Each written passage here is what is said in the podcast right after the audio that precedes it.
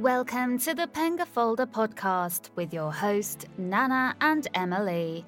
They invest remotely in the UK and live in Sweden. In this podcast, they will be interviewing interesting guests that all invest in the UK property market. Hi, and welcome how is Hello, it? How are we doing? Yeah, good, good, good. So yeah, so I thought you did an intro there, and it, it was that, that was to me, was it? So, yeah, that's to you, Andy. That's to you, Andy. I thought we were going to come out with some big podcast intro, you know, and all that kind of thing. But yeah, no, uh, thank you for having me on. Yeah, I'm really excited about the interview. Yeah. How are you? How are you doing? I'm really good. Yeah, yeah. We're in. Uh, I'm in the UK, and uh, we're we're just coming out of lockdown. We've got some nice sunny weather now. You know, it's been um, been pretty rainy for the last few weeks, so everyone's happy here now. We're, we're out this year being locked in our houses and, and the sun's shining, so why wouldn't we be happy? Yeah. Have you been able to take a pint like Boris? uh, no, I haven't because I'm uh, I'm into my fitness and training at the minute. I'm doing the um, 75 hard. I don't know whether you heard of that, but oh wow, it's um, it's a, an extreme sort of training program. Not extreme, but you have to do a couple of training sessions in a day for 45 minutes and you know read self um, development books lots of water no alcohol um, and um, yeah look no cheap meals and no snacks at all for 75 days so i'm in the middle of that at the minute i'm day 46 wow well done well done is, you, yeah. is it hard or is it it's uh, it's just consistent. It's uh, it's not a it's not really a training program as in physical. It's it's not really a diet, but those things are elements in it but it's uh, it's more of a mindset thing. It's about you know being consistent for 75 days, and the benefits are you lose weight and you get fitter because you're doing it every day. So yeah, I really enjoy it. But uh, yeah, I've, I've been on a big fitness journey for the past few years anyway. So yeah, perfect for the summer, so you can flex your muscles. yeah, that's it. Yeah, look at that. We're we on video yet? if we're not, that looks silly, doesn't it? yeah, this is recorded on video as well. Good. So, good. so Andy, tell me about who is Andy and what do you do? Your background? How do you stumble up on uh, property? Okay, so yeah, I, am Andy Cook, and um, I'm a co-founder of White Box Property Solutions with Lloyd Girardi.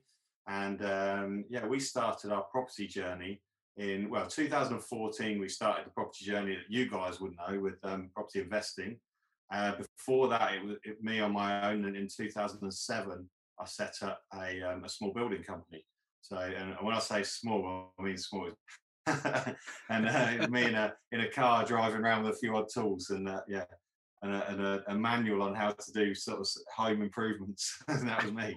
and um, but before that, I was a, I suppose you'd call me a carpenter, although I'm not really qualified as a carpenter. But um, you know, I worked not necessarily in house building, but as in um, I did set building for sort of conferences at hotels and things like that. And, and before that, I, I did uh, library. Uh, I fitted libraries, so like counters and things like that. So again, woodwork, you know, that kind of carpentry type thing.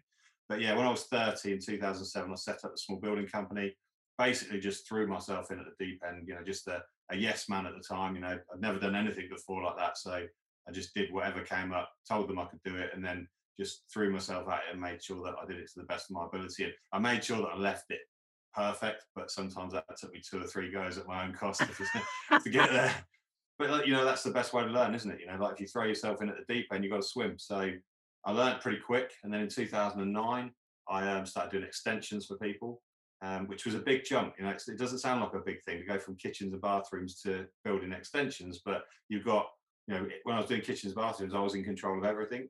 Um, whereas you start working with bricklayers, plumbers, electricians, you know, all the other trades, and you become sort of a project manager almost. You know, so that was a busy time for me because I was still trying to do the carpentry, and it's that weird transition where you try and do everything yourself. Um, and then um, and then it, I did that for a while, and then in 2012 I built I built a house. So that was my, my house I, I lived in at the time, self build. Wow. And um, again, that was a big step up, big jump up. First house I ever built. And then after I did that, I kind of went back to doing extensions, but you know, I'd kind of seen the light. I'd seen how you could build a whole house. So to go back to doing extensions seemed a bit of a regression, I suppose. So um, I suppose it made me quite inquisitive and um, I started to think, you know, I was really inquisitive about property investing and, and how could people have portfolios of buy to let. I probably didn't even call it a portfolio because I wasn't, I, I, wouldn't have known what that term meant really. Um, but you know, how can they have several buy to lets, and how do they do that? You know, like how can anyone have the money to do that? So it got to sort of late 2013, and, um, and I sort of I came across a training company or something like that, and I was just like, you know, um, it something took my eye on on social media or something like that, and and um, I started looking a bit more into it. Went on a you know a, a three day course, a, a, free one at the start, just to sort of. I started like looking at all of the YouTube stuff, all the websites, and all that kind of thing, and really got engrossed into it. It really intrigued me, and um, and I, I knew Lloyd at the time, and my business partner, and he was he was going out with my cousin Lydia, so um, and I knew he was looking at doing something a bit different. He was a lot younger than me, ten years younger than me, and um, he was at a point where he'd had a couple of big life things happened to him. His dad had just died late, late 2013, and then followed by his granddad, who was also a oh. you know a, a, really sort of key figure to him as well. So you know it, it's a shock when things like happen, isn't it? And it made him sort of look at his life a little bit and think, well, you know, what am I doing? What I really want to do here? You know, and so it, it was he was second guessing things a little bit. Um, and I, I, I thought about it and I thought, look, you know, I'd always done everything on my own. I knew it, it, it done a few things when I was building my house, helping me out and sort of impressed me a bit enough, I suppose, the way he thought about things. Not practically, because he hasn't got practical bone in his body. you wouldn't want him to build anything for you. but um, so I, I, said to him, "Look, do you want to do you want to look at this with me?" And you know, I had a spare ticket for this course, so look, do you want to come on that? I set him a few little challenges. I was ahead of him looking at all the material I was looking at. So I said, "You got three days to catch up with me," and um, and he did. He, he, you know, that showed me he was taking it as serious as I wanted to take it. So then we went on that course, and we've never really looked back since. And we've, you know, we we um, we've done everything together ever since. And that was, I think, seven years ago now, something like that. So wow. Um, yeah, that that course though wasn't really about. You know, we we, we do developments now. We do you know, we're known for being developers in the UK, um, and we train people how to take that journey from working outside of developments, maybe property investors, there might be single buy to lets, HMOs, uh, they might be looking to get fresh into developments, um, but we show them how they can make that transition basically and, and show them how we did it and, and, give them the confidence to do it as well as the knowledge. Um, but yeah, that, that was a, a, journey in itself, as you yeah. can imagine. Yeah. So basically, you know everything about property then, like from the ground to the to the top. You know, so no builder or project manager can trick you. yeah, I don't think you can ever know everything about property, but yeah, um, but yeah, I, I, suppose we've done quite a lot now in that time. Um, I've I've done the builds myself. I've done I've been on the practical side of it. Obviously now doing developments, that's not necessarily um, the right way to do it. You see a lot of people even using my house as an example, you, um, see a lot of people when they do their own house, they try and do everything themselves, don't they?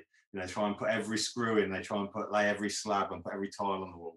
And it takes them 20 years, you know, and they never get it finished. And, you know, I didn't want it like that. I treated it like another job.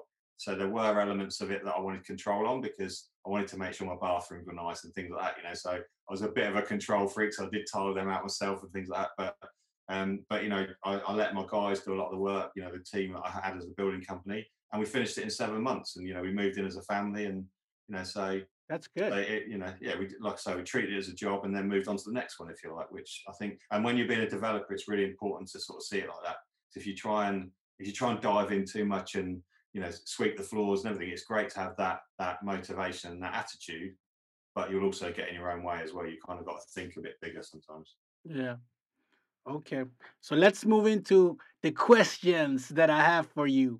Go for so, it, from a normal buy to let, what is the difference comparing like uh like you mentioned new builds, conversion, all of these? Okay, so I think that you know when you're when you're doing buy to lets, um, you know you can do it a little bit. I mean, you can do anything on the side, uh, but you know you can do it alongside your job. You can just sort of play it a little bit, can't you? You know, and um, with developments, you know, I'd advise people not to do that. You know, they can definitely do it against a job as well, but you need to take it seriously. It's a bigger, it's a bigger strategy, which um, does come with maybe needing a bit more time sometimes. But it, the development will need more time, but it doesn't have to be you that's giving that time. You can work with other people, obviously, and all that kind of thing. Um, I know a lot of your audience are working remotely, so you know, then it's perhaps not their time that they're working with, but they need to be aware that somebody is going to be putting time and effort into it. Um, and if, if if someone isn't, then it's going to go wrong. Simple as that. Um, whereas with single buy to lets, you could easily give it to an agent and they could look after it and all that kind of thing, arrange the, the maintenance and things like that. So you could hire someone to do it. You want someone in a development who's kind of got the skin in the game, if you use that term, you know, where, you know, if it goes wrong, it goes wrong for you, but it goes wrong for them as well. You know, you're not just hiring them. Um, so, you know, they've got, especially if you're working remotely, actually. But I think uh, other than that, it's, it's just a, a bigger version. So you're going to, you know, to do it properly, you're going to have to have a, a professional team around you. So, you know, a power team or whatever else. Uh, with single buy to lets, that might only really be your letting agent. It might be maybe a maintenance man, something like that. You know, um, you don't really need too much. But with developments, you're going to need, you know, a, a main contractor, maybe subcontractors. You perhaps need a project manager. You're going to have, um, you know, a quantity surveyor maybe to come. We're going to be working with a bank for releasing drawdowns. You know, it's going to be quite a whole team. You know, if you think even on a, even doing one development, your solicitor alone, you're going to purchase it with them. You're going to arrange, you know, you might have a bridging finance option or something like that, or private investor loan agreements. You might have um, development finance you're going on to, then term finance or selling at the end. You probably use your solicitor four times in a development. You know, so along with an architect and all those other things. So it's just being aware there's a bigger team of people involved.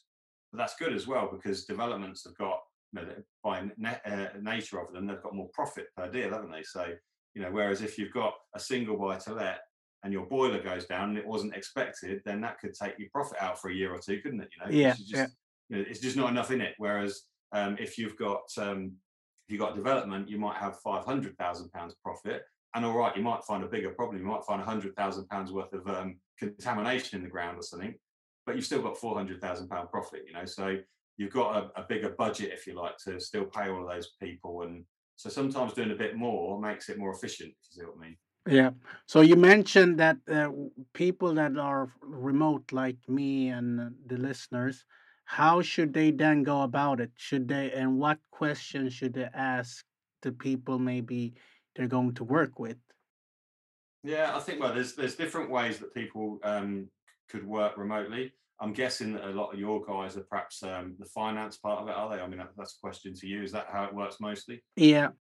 Yeah. So, you know, if they're providing the finance, then they want to be really careful and selective who they're working with, especially if you're remote, i.e., from another country. Um, so, you, you know, you need to pick good partners that you're working from. And I think sometimes people try to um, cut it a bit too fine, if you like, and they try to think, well, look, I can make more money out of a development if I just hire a building team and contract them to do the work, and then you know they're just getting a 20% margin, if you like, on the build contract, and then I can make all the profit, you know. But actually, there's going to be less profit if it doesn't run smoothly. So, you know, a build takes a longer period of time and it needs constant management all the way through it. So, I would suggest that if you're going to work remotely and work with other people, and we do this as well because we work in um, Cumbria, it's about four and a half hours from us, and we work with a business partner there.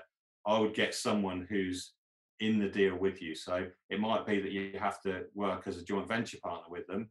And it might be that you've even got a 50 50 profit split with them or something like that. It might be that they found the deal and you guys bring the money in. It might be that you find the deal and bring them in to do the development with you. But then they've got, as I said earlier, their skin in the game, if you like, you know. Yeah. So, you know, they if it if it if it suffers and goes wrong, that could be on you know budget going out it could be on time scales and all that kind of stuff it's going to hurt them as much as it's going to hurt you so it, there's no incentive for them to just walk off the job because things have got a bit tough because you know in a development there's one thing for sure it is not going to go to plan you, know, you can plan it as much as you like at the start there will be stuff that comes up that you don't know about that you know things will go off track and things will go a bit longer and things at points will go a bit more expensive you know but that's the nature of the development. So you need someone who's going to be, you know, when things go a bit um, off plan, you need someone who's going to jump in the trenches and, you know, fight to get it back again, you know, rather yeah. than just stand there moaning because you haven't given them the correct drawings or something like that, you know. So, so I think, you know, having that person who's working with you, not just for you, is a real key for remote work. That was a really good uh, answer. So, what do you need? Do you need an experience to new builds, or can you just jump straight ahead? and doing that? Um, new build. Look, you, anyone can do new builds. Yeah, we firmly believe that. We say that in our training, whatever. But it's not for everybody. You know, it's to do new builds. You have to be committed. You have to be um, you have to be um, you know willing to sort of accept things when they change a little bit. Uh, we work with a, an investor in Singapore actually who's doing exactly what you just said there. He just does the money bit. We don't, you know, we keep him up to date with management reports and those kind of things. But really, he's completely remote. He doesn't have anything day to day to do with it. Um, and we we we update him. We have calls with him and that. But um, his his um, term is fair and reasonable. You know, that he, if something's presented to him, we, we have shareholders agreements, we have articles of association with the companies we set up, the, the you know the joint venture companies, and they all sort of you know when you do that kind of legal paperwork at the start of a joint venture, you have to consider everything, don't you? You consider everything going wrong, and you put mitigations in so as that it protects all parties. And some of those can sound quite harsh at the time, can't they? You know, because you know that it sounds like you're almost um, trying to set each other up for if something goes wrong. But it's important to do that. But it doesn't mean you have to follow that by the line. It might be that you know we, he's got a minimum profit share or something like that. But actually, if when we go through it and there's been some trouble like last year with COVID, for instance, you know that's going to really stress out a build, isn't it? You know. Yeah. So we would then review it, and in, in theory, if you go by the letter of the paperwork, you know he can probably you know take more of the profit than we can and all that kind of stuff. But actually, his view would be, look, what's fair and reasonable? You guys have put a lot of effort in. You've tried. You know, it wasn't your fault COVID hit, for instance. So although I could do this, it's not fair and reasonable. That would be unfair to you guys. So we, we find a, a balance point, and um, and I think that that's really it's great to protect yourself as as as well as you can at the start for any eventuality. But then you don't have to, you know, you can then take that fair and reasonable stance as the development goes through. Um, another point, actually, um, just a quick one on the, the bit we said before. If you're working with a builder remotely as well, another thing you can do is um, you can perhaps stage the payments differently. So if they're getting more of the profit at the back end. Now, sometimes people say, look, I want a, an open book and I want it to be, you know, just cost build until we get to the end and you split the profits. I actually don't, I, I don't often go down that route because I think that, you know, I've got a building company. I know how hard it can be going through development when, you know, cash flow is everything, isn't it? So what I prefer to do is maybe um, you give the, if a, if a builder was going to get, say, I don't know, 10%, uh, sorry, 20% profit margin throughout that build, then maybe reduce it so they get 8 or 10%, which will cover their fixed overheads throughout the build. It won't stress the building company out. You know, they've still got to pay their guys, they've still got to pay for their offices, the vans, all those kind of things, yeah? So they can then still, without getting too stressed with cash flow, do the job. And then at the end, when you do the 50 50 split, you can just take out the bit you've already paid them. So, you know, you're still getting the same at the end of it, but you're not stressing the builder through it and and and then you you just make it good at the end. I think that's a better way of doing that kind of split. They're still getting their bonus if it all comes in at the back end their profit share if you like but that's a nice tip for you guys when you're working remotely where you can keep the builder really interested all the way through. He's still working for his bonus but um, he's not sort of feeling like he's getting a bit hard done by because you guys are in another country living it up in his world and he's there doing all the graft and, and he, he can't even pay his guys at the end of the week you know? Yeah that that was a smart solution actually. Yeah that's a little tip. So wh- which one is harder conversions or new builds and why? Um, well we always say that i think people find a new build's intimidating because there's nothing there to start with, and you know you've got to start from the beginning. And they take a bit of comfort sometimes in a conversion that you've physically got something that you put you're starting with, and it feels like a, a bit of a refurb, then, doesn't it?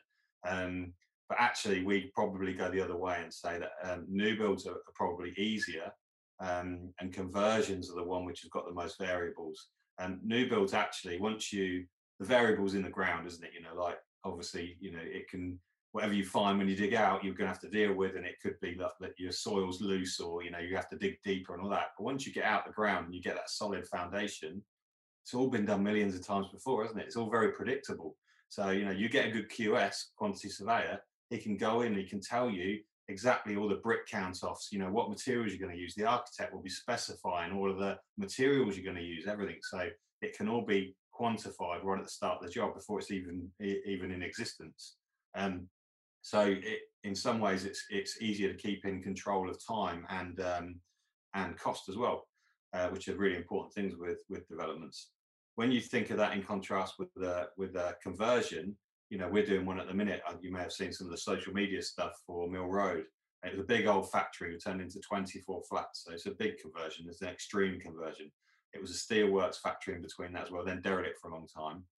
But that's a big old building, probably 130 years old. You know, um, we're having to put a big steel endoskeleton throughout the inside of the building. So none of the external walls are being touched. So it was kind of almost pointless having them there. You, you're protecting them so much that it'd be better to knock it down and start again. and um, we've had to take the roof off, which we weren't originally planning on. But when we got up there and looked at the way we were going to get the steels in with the crane and the bits of timber we were going to save, it was like it's easy just to rip them off and start again. So you know, there's a there's a we had to underpin some bits which we weren't expecting to underpin. You know, sometimes you'll find asbestos where you're not trying to find asbestos, and you'll have to make it good. So you know, a conversion can definitely throw a lot more sort of curveballs throughout the um, the, the, the initial phases of a build, if you like. So, you know, for for the reasons of predictability, we'd say new build really. Okay, and re, uh, spinning like I have a following question regarding new builds. When looking at new builds, the location where where like where should you look? How do you know it's a good deal that you're doing, etc.? Okay, so there's there's quite a lot into that, obviously. You know, yeah, yeah, I'm going to struggle to give that one in like two minutes. but, um, but look, you know, I'm sure at the end we'll give you all of the um, the YouTube links and all that kind yeah, of stuff. And, yeah, you know, we spend a lot of time. I, I, know that you've spent time on YouTube on, on, our channel, and there's a lot of free material and videos just on that subject. You know, where you go and look, how you do the initial analysis, and all that kind of stuff. Um, but you know, I think actually, it, as a rule of thumb, it's good to start in your own area. Um, new builds can work anywhere; they do work anywhere. The strategy sometimes changes a little bit with them. Um, so obviously, if you're in the middle of London, you might get um, a good profit on a new build if you can find it, because there's a lot of people looking for them in London. But your yield's going to be very low. So you know, if you're keeping them for rental, um, sometimes it's not worth it in London properties. You want to just take them on and sell them on or whatever. But also, like I say, it can be difficult to find good plots and all that kind of thing. There's going to be a high amount of money going in to buy the, the site and then it's going to cost you quite a lot to to convert or, or build it. Um, but then you can get a good GDV at the end of it to sell them on, good profit maybe. But you know maybe when if you're looking further up north, um, say above sort of Manchester, Sheffield, you've got up north, Newcastle, those kind of things, then the property is going to be really cheap.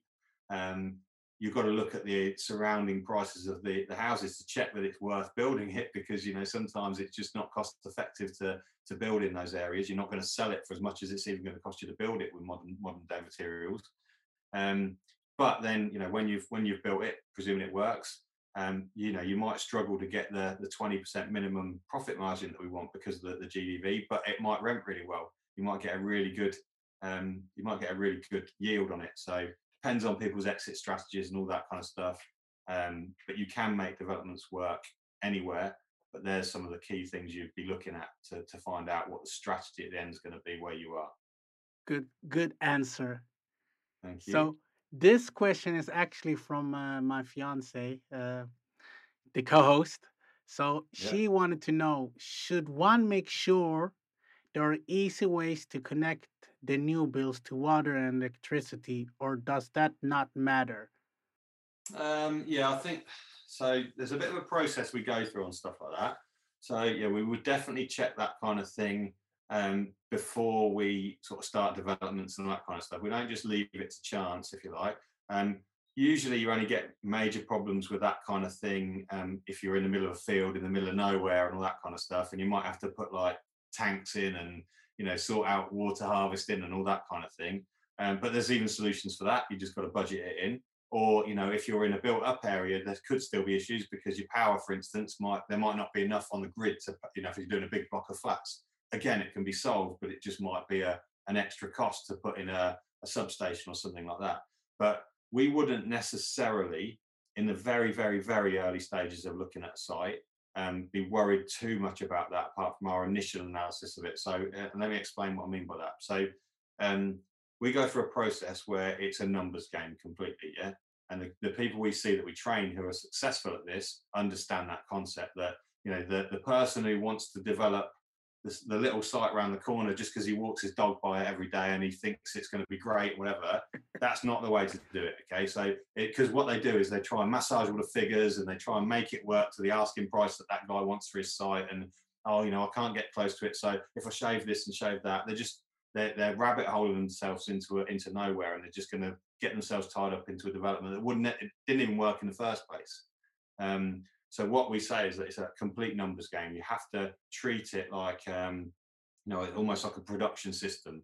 You we teach people how to use tools like even Google Maps. You know, obviously free to everybody, uh, but Nimbus as well, which is a site finding tool and and other ways as well, lots of ways. I think you know there's nine ways that Lloyd teaches on the, the course that we do to go and find land, um, and we tell them to go and concentrate on one at a time and know, look at brownfield registers from the council, look at all the you know there's loads of ways to go and find it, speak to architects, whatever. Go and batch, batch find a load of opportunities, and, and Lloyd will tell them to go and find a hundred before they even do the next process. Like you know, don't just find one, find a hundred.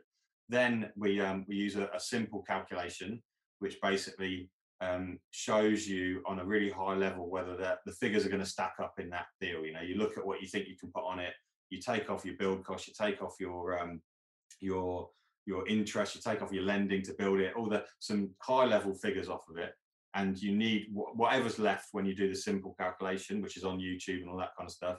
Whatever's left is what you can pay for the land. Simple as that. You know, you need to have 25% profit in there because you haven't got 25% profit in there, you can't refinance out if you want to keep it if you're if you want looking to sell them, maybe you need 20% profit because you know the lenders are going to give you the big chunk of development finance. They need to see that you've got enough money in it. They won't go under 20% profit, for instance. You know, so we just do a quick fire calculation just to see if that site in principle is going to work. Okay, and we'll do that out of the hundred he goes and finds, or we go and find.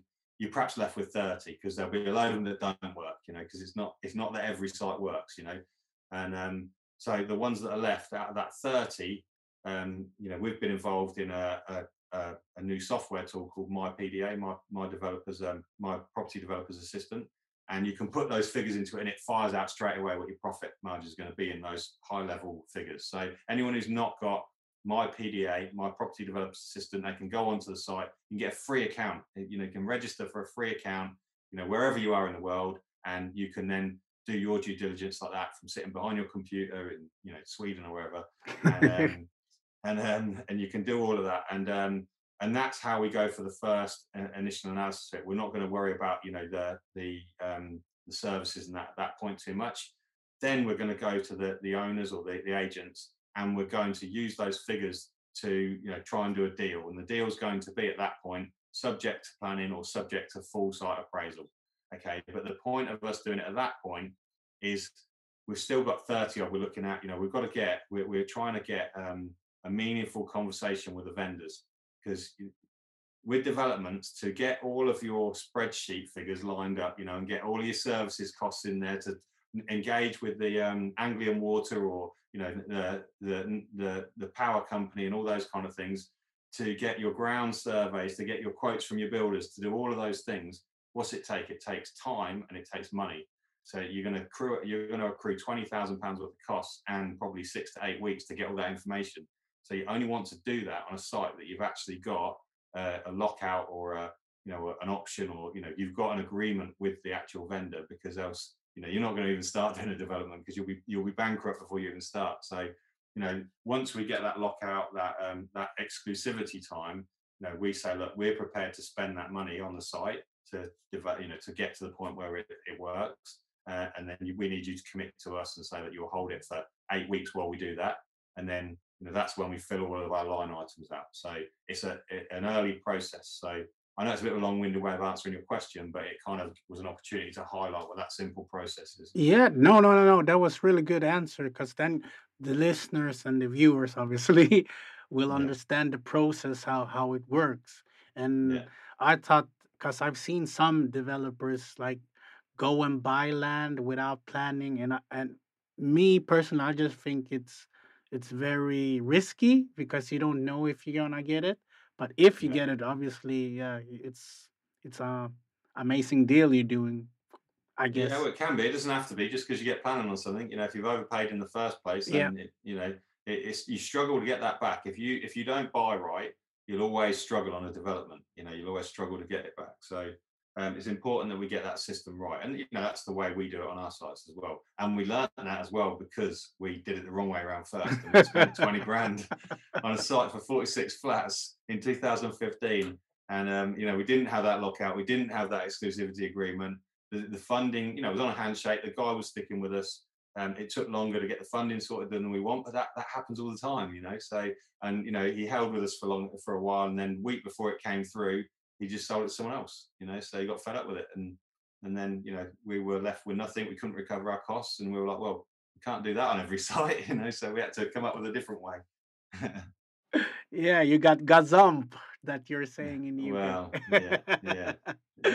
So you you mentioned this um, RUI. Uh, so what what is the minimum RUI that you suggest people uh, should take when they're doing development conversions? And yeah, and So it was as, that ROI, like a return on investment? yeah, yeah. Yeah, um, yeah. So we we don't we don't do it on an ROI necessarily. Um, we do it on a profit per deal. So that's the way we tend to look at it. So we're looking at a percentage of the yeah the profit in the deal uh, from the uh, the GDV. So uh, the GDV, for anyone who doesn't know, is gross development value. So that's the accumulative um, value of the whole site. So you've got ten houses at 100,000 each, then it would be a million pound would be the the, the GDV.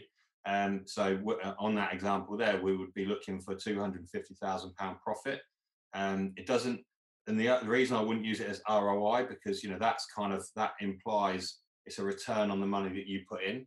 Um, and you know, with developments, I'll, have 250,000 dev- um, profit, but it doesn't necessarily mean that I, have, I don't, sometimes I have to put any in at the front, you know, depending on how you structure it, you know, if you're working with other people. And it also sometimes, if the deal really stacks up in certain ways, then the development funders will also give you a big chunk of that money up front. So it doesn't quite work out as a relation to how much you put in, in, in my opinion. Yeah. But we're looking for that overall profit margin, if you like. The reason we look for 25% is because if we're keeping them um, on a, as a rental property or several rental properties, then um, the uh, we'll probably get a commercial loan, if you like, on the, the whole lot of them. On the whole, you know, if there's again 10 properties, we'll get a commercial loan on all 10 and it'll be at 75% loan to value. So that then pays back all of our debt, if you like. The 25% profit is the bit that you know we would leave in as equity because we're, we're buying a portfolio in, a, in, a- in, a in essence of ourselves and um, we leave that as equity and then we keep the cash flow going forward and we've got the profit you know in there as equity if you want to sell it then you can go a bit lower you can go to 20% because you know the lenders will want to see that you've got a big enough profit margin usually they start to get a bit worried if it's under 20% they know that in developments it could slip a bit so you know if you're telling them 20%, they know that at 15% it will still work. You know, you'll be able to sell it and get them out. If you had to fire sell them at the end because something's happened a year down the line, you might get 10%, they can still get out. You might get 5%, they can still get out. So it's a good buffer for them, if you like. Um, under that, then they'll start getting a little bit nervous and you won't have as bigger options for, for development funding. Um, but yeah, that's kind of, they're the profit margins we'd definitely look for. okay.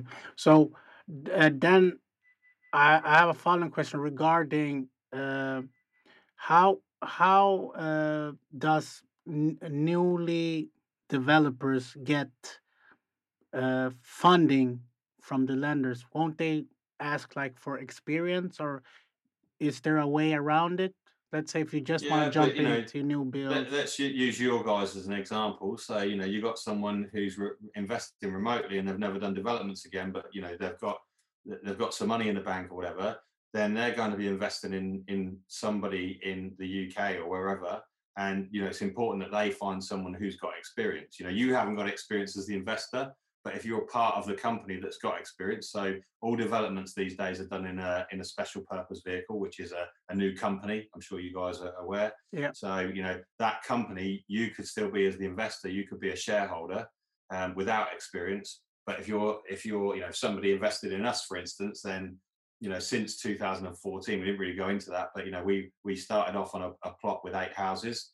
Um, it was an old garage site, and we converted eight houses. Then we went on to the, in 2015. We we there was a um, a leather factory which had already been demolished, and we built 11 houses there. We kept all of those, so we've still got those in our portfolio now. Um, then we went on and did some houses, we did HMOs, we did single buy to lets. We um, then went and bought some pubs up in up in Cumbria, which is why we work up there a lot. We converted them into 62 HMO rooms, three Oh, derelict wow. pubs. Uh, then we added some houses to that, so we had 82, and then we we did a um, a big um, old solicitor's office where we had 18 single flats. So that's 100 we did in that area. Then uh, we've just finished four executive homes in Milton Keynes. We've we're just finishing 12 houses in Cumbria. We've got planning in for 28 houses uh, up in Ulverston in Cumbria as well, which are executive homes again. So you know we've got 220 properties there or something there. So you know we, we cover experience. You know, so you know if you if you've got one of your guys investing in us, they haven't got to worry about experience because they're they're they're borrowing that from us if you like, haven't they? For, you know, for their first development at least. And then if they're in that SPV and that all goes well, then actually their second one they've got their own experience, haven't they? So they don't even have to do it with us; they could do it with someone else or whatever. So you know, uh, and that's how a new developer along that line, even if they're in the UK and they're a, a builder, they'd probably still have to. If they're only doing extensions, they'd have to work with someone else who can cover the lender's criteria on that yeah. but you know everybody has to start somewhere there are lenders who will lend to you know more inexperienced um, developers but the rate will be higher and there'll be less of them will do it and all that kind of stuff so it's important at that stage to work with a really good broker who um, who can help you package your um, your selling points if you like to the right lender and not just going. you don't want to burn yourself um, in the early days with you know with lenders and get black marks and things like that because you know you haven't got your experience so it definitely can be done you just have to think a little bit about how you position yourself Smart answer. Piggyback on someone else so Yeah. you get your experience. yeah and in, in, in essence that's what lloyd did with me you know i had some building experience he didn't have any he was 10 years younger he didn't have any money he was had a full-time job all that kind of stuff you know and in those early days he was very heavily relying on my credibility with friends family the people who gave us some initial loans and the the development lenders everything but even me i'd only built one house and we built eight was our first was our first development so um, you know, we managed to do that. And then once we'd done eight, then 10 was, uh, 11 wasn't such a jump. And once you've done 19 houses, well, you know, unless you're going to go for 300, then, you know, you can kind of cover quite a lot of stuff, can't you? Important things to take in account when calculating on developments, conversion, and what things need to be in budget or budgeting. Uh, I think, you know, it's a little bit like we said before. I think that sometimes people can go, that we, we again have a system where we show people and, you know, show them that early, um, the, the way to do those early figures. And we show them how they can build some contingency in that as well.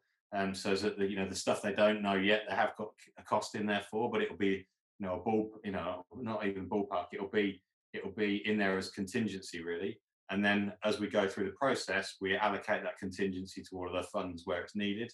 Um, yeah, it's I can't give you a list here because every site's different. It's a process you go through. But again, there'll be stuff on YouTube which will help people with that. Um, but yeah, that's really the key to it is to, to get that and use the professional teams around you. They're the ones, you know, the, the quantity surveyors, the, you know, the architects and all those kind of guys. They're the ones with the answers. You don't need to know it. Being a developer is like um, it's being the conductor of an orchestra. You know, all of the your team around you, all the people playing the instruments. Yeah, you don't need to know how to play the instruments. I don't need to know how to play a trumpet and a piano and all that. I just need to know how they have to fit together to make the song I'm trying to make. Yeah. Yeah. So you know, being a developer is exactly the same. I can't I can't draw like an architect. I can't be a planning consultant. You know, I, I haven't really got a specialism in anything. You know, because I'm not even a carpenter anymore. Um, and my wife would argue that I wasn't a carpenter in the first place because we had an argument about it on our wedding day when I had to sign the register to say what my job was, and she was like, "Well, you're not a carpenter. You've never done any paperwork on it." so, but um, so in essence, I'm not anything. But you know, I know how to put those people together to um to to you know Yeah. make the development. Yeah. end of it. Okay, so con- around contingency, uh, contingency, like you mentioned, what percentage is it? Like 10, 15, or it's more? Yeah, again, we, we there's a bit of a process, and I'll keep saying there's a process to it. But um, uh, on the initial figures, we have a contingency that we've built in, um, and it's not really on a percentage like that. Um, it, it's done in a bit of, a bit of a different way. But again, it's quite, can't, can't, I don't want to confuse your guys on here, but you know that when we're putting it into our build cost, for instance, we generally have like a ten percent. Yeah. So we would do it like that. Um, in the initial phase, we're allowing more than 10%, but it's done in a um, in the way we run the finance through the deal, and then when we do the actual deal, the finance is split into different areas. So Okay. you know, it, it, it's not a percentage like that. It's um, Yeah. it, it- it's just the way we run the system, if you like. It, it's not like a like a normal buy to let. That No, no, no. Yeah, it's not. It's not like that. Yeah. So, um, but that puts in a contingency for all of those things. But yeah, when you're talking build contingency, yeah, about we're usually putting about ten percent. Um, but then the, when we teach people how to do it, it's not actually as as complicated as it sounds. The system, but then you know you do it initially with these contingencies, and then when we split them out. But it's really important the people who are really detailed with it. Some of them they struggle to release it from the first stage. So if they're not careful, they start doubling the prices because they've allowed for it in here in the contingency, and then they put it in here in all their line items. So they've kind of got double bubble where it, you know, they've and, and of course, if you if you double all your costs and everything, you're never going to find a site that works because you know there's never going to be any profit left, is there? So yeah. so you know people have different. Some people need to see really loads of detail, and some people don't want need to see a lot of detail at all. So you know we have to manage that with people we're training, and some people we have to tell to be a bit lighter on the detail, and sometimes we have to tell people to be concentrate a lot more and make sure they they're putting everything in. So yeah, that's a little bit individual. So another question from a missus. Okay. what do you think? What should you think about when uh, be able to title split a property? Um, okay, so title splitting is really done by solicitors. So, um, I mean, we keep a lot of our stuff. So, what we would do is, if we built eight houses, we would we wouldn't necessarily title split them. Then we would keep them as one title as eight houses. We put a commercial mortgage on it, so that you're paying one mortgage, it's a lot less admin and all that kind of thing. Some people say that you're paying a commercial rate, so a higher rate for that. You could do it on single price, less as less, but then you've got the hassle of title splitting them all out. You've got eight different mortgages. You've got your your high street buy to let mortgage companies won't take eight because they're only for single or, or couple of them. So they might do two or three, and then you have to find someone else for two or three, then someone else for two or three. So you could have three different providers. Just going to be a whole nightmare. We don't want that hassle, to be honest. So we would keep them as one title. And the only time we've ever really done it is the, one of the pubs I said about. We actually we we split off um, part of the garden and we put planning on it for another four houses and we sold that off to one of our the people we trained actually it was their first development and they took it on and they're building them now and we title split it from the original pub. And to be honest it's just done you know, all through the solicitors. They ask you what questions they need to ask you you answer the questions and it, it it then it was on the sale they you know on the day they sold it they completed the title split job done. So can't really answer it any more detail than that because I didn't have to get any more involved than that. So so I I I think you have already answered it, but I'm gonna put it and narrow down it. So, what are the three most important things to look at if I believe I have found a great plot to build to make sure it's a good plot? You're only able to mention three. well, you- you've got to look at you know comparables if you like. You know, so the area that you're building in and what's built there. So that's really important, isn't it? You know, see what you're going to be able to get planning for and you know how much they're going to be worth. So comparables is is definitely the um the big one. Um so you know the if it's a plot of land we're assuming here you know or, or even a conversion you know the planning side of it's really important. So you know you've got to work out what you want to put on there and the likelihood that you're going to be able to get that on there you know. So that could involve access as well and things like that you know there's no no um there's no ransom strips across it or anything like that. So, you know, I'd, I'd, put that all in the planning side of it, I suppose. And then your GDV, you know, your the end results, your cost analysis of you know what it's going to cost to build it, but you know what it's going to be your pound per square foot to build against pound per square foot to um to sell, if you like. So is it is it worth um you know so you've got your cost, you've got your planning side of it, and you've got your you know what you're going to put on it, if you like. They're the three main things, I suppose what are the five first steps in a new build development? I think you covered this before. Yeah, I think that, you know, actually, you know, it's not, that people would think it's, you know, worrying about the ground conditions and all that kind of stuff, but it, it's all that early stuff. It's working out, you know, yeah. before you ever get into even signing off a deal, the first five things are done just in negotiation phase, you know, making sure that you've got it on subject to um, one of those things. You know, if you can find the first development that you ever do is going to be the hardest that you do. Simple as that, you know, because you perhaps never you've never done it before. For one, you might be trying to find experience or or trying to do it at a bigger level. Um, you've perhaps never lent borrowed money like that before at that level. Um, you you know you perhaps never been through the planning system before. So all those things there are going to be new to you and they're going to be complex. So if you can find something with planning, we get people come in quite a lot. But you know, I think you mentioned it a little bit earlier. You were sort of talking about planning gain and planning uplift, and um, you know, like people think, oh, I've got to get one where I get this big planning uplift because that's where I'm going to make most of my money and things. You know, yeah, when you're more experienced, you can find crazy stuff where you can make you know decent money on on the first on one deal. But it's important to mitigate your risk on the early ones, isn't it? Don't try and find the golden goose that's going to, you know, people, it's almost like they want to retire on one development. You know, you've got to get the mindset that you're going to be a developer for a long time. You know, the way to be a successful developer, successful in anything is not just development, is it? You know, you, you've got to learn the trade. You've got to go through some of those early learning experiences. And actually, it's when you do the ones later on that you become really successful. So that's the same with anything. So I think, you know, try and mitigate the risk with the first ones. If you get something with planning, then you haven't got to go through the whole planning system and take all of that problem on, have you? You know, you can concentrate on finding the money. It'll be easier to find the money because it's got planning. Yeah. You know, so you know, just do it like that, and then as you get used to that, then you can do the ones without planning and stuff like that. Great answer. So, what are the top three things to never lose sight of during a project? Um, your costs, time scale, and control. So simple as that. You know, they're the three fundamentals in developments, aren't they? If you lose control of your costs, it's not going to work as a development anyway. If you lose control of your time scale, you're going to lose control of your costs because you're paying on development lending, you're paying on you know your private investors and all that kind of stuff. So they're they're tied together anyway.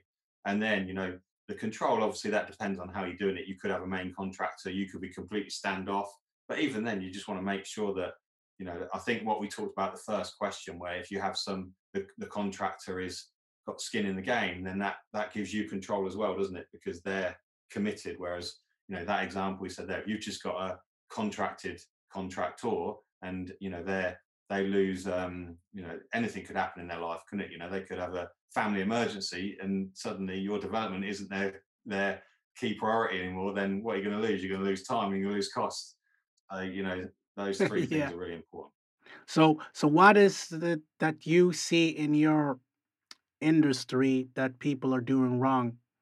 Like a common error? Um, probably not doing the due diligence at the start. Um, as I said, you know, there's a pattern to that due diligence. It doesn't mean you have to. I think it's a flip side thing actually, because sometimes you know it's buying wrong, like we said, but actually sometimes they're the ones who aren't buying at all then they're perhaps going too heavy on their due diligence right at the start and they're, they're um, debilitating themselves. They're paralyzing themselves at the start because they're so worried about making a, a mistake that they're not actually ever going to buy anything. So you know in that case then they're kind of wasting their time aren't they you know? So probably each one of them yeah. is equally as bad as each other because you know like someone diving in and, and just buying something for the sake of it just to get the ground running that's not that's just not um that's not clever is it? But um but at the same time, someone who's over analyzing everything, doubling their costs, never even going to get a deal, and spending three years trying to find one, that's not clever either. So I think you know there's a there's a medium balance yeah. in that, and you know that's what again with the training we try to sort of highlight in people and try and straighten out a bit, I suppose. Yeah.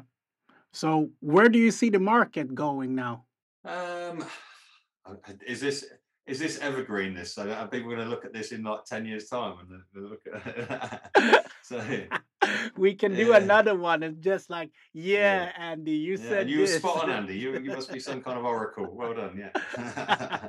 um, look, I think uh, look to, to, date stamp it. I suppose what what we're in now. We're in June. We just hit June 2021. So we're just coming out of lockdown in the UK. Um, we're just coming towards what we hope is the end of COVID, but who knows? Um, but th- things are definitely looking brighter, and um, you know I think there's a lot of positivity in the air. The market is strong at the moment, the sales market. Um, whether it will stay strong, who knows?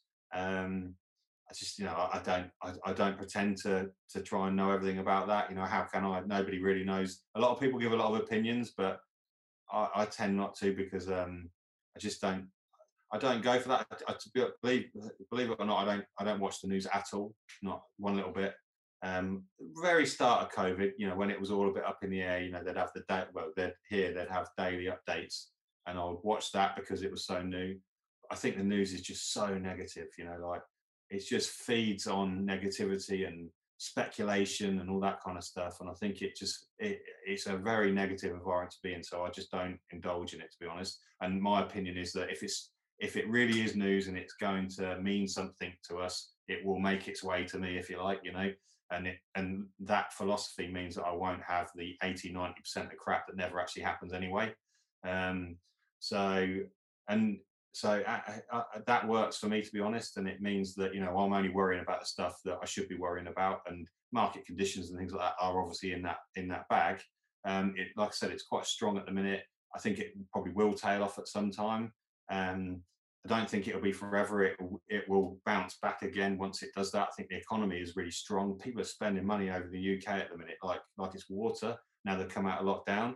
Yeah no there's no second-hand cars on the market anymore apparently. There's you know you know there's um well you know less than there would be normally so the ones that are around are fetching a high price keeping the economy going and things like that. There's you know the shops all right they've been shut but now people are trying to spend their money and buy it they can't go on holiday anymore all those kind of things um materials are really short everywhere one because of you know no doubt brexit delivery issues there'll be you know manufacturing issues over the last 12 to 18 months but also people are doing a lot of stuff you know there's a lot of recovery in the development market so people are doing extensions, people are doing whatever. So, you know, last year you couldn't buy a bag of plaster for, you know, it cost you a fortune. Now this yeah. year we're looking at cement shortages, we're looking at timber shortages, we're looking at, you know, not lots of normal materials. So, and I think that again, people can let that debilitate themselves and, and to stop them doing something because they're fearful of one thing like that. I think that developments there's always something going wrong and if it's not that it'll be something else tomorrow if the market's strong then the materials are short and labor's short if the market's weak, there's loads of materials and loads of labour. You know, you kind of got to, it's making a cake, and you've got to take the ingredients you're given, and there's perhaps a couple that are missing, and you've got to, you've got to make something work with what's in the cupboard, haven't you? you know, but the cupboard's never going to be full. You know, there's always something missing in the cupboard. So you either choose never to make a cake, or you, um, or you make what cake you can and do the best of it, don't you? So. I think um, a bit of a weird analogy, but I, I think you get what I mean. I I, under, I totally agree and yeah, I understand. Yeah. yeah. Yeah. I think look, if one if last year taught us anything, it's how to be resourceful, didn't it? You know, that we were yeah. thrown a load of stuff that, you know, that that we didn't know was going to happen. But look, we all live through it. We're all still here smiling, you know, we're all still, you know, we're you're still doing your podcast, we're still developing, we're still training people. Do you know what I mean? So if I, I, actually think that instead of being fearful of doing developments at the back of it because of market conditions, use that as a as a, a positive to say, actually, if those guys can still survive through all of that, you know, and now actually there's a lot of opportunity with buildings, there's a lot of opportunity with commercial conversions, all the permitted development rights uh, that are brought out to try and bolster back the, the market and get developments on again. If they can do it through last year, surely, you know, we should be able to do it this year. This is a great time to start. So, you know, whereas, you know, there'll be a lot of people who run for the hills because they're not not sure how to do it, but they just need to learn the process. Yeah. So before we round, uh, round up, um, I I would like to ask you two questions. So if you would have, if you would be able, if you had all the money in the world, who would you have as a mentor? Um, who would I have as a mentor? Um, I don't know. There's some there's some good mentors. I don't really I don't really follow the the the, the big guys, if you like. I mean, people like Elon Musk, are, you know, they're, they're just trans. You know, they're the guy, the big names, you know, like Bezos, Musk, and all that, they're not. They're, they're all going to have their elements they can teach you, aren't they? You know, that I'd, they'd probably drive you mad, wouldn't they, if you spent more than a day around them because you know they're just so crazy. But you, there's there's stuff you would pick up from all of them, isn't there? So I probably wouldn't have one long term yeah. mentor. I'd, I'd make my way around a few of them and spend a bit of time with them and you know understand what they're they're trying to say and whatever else.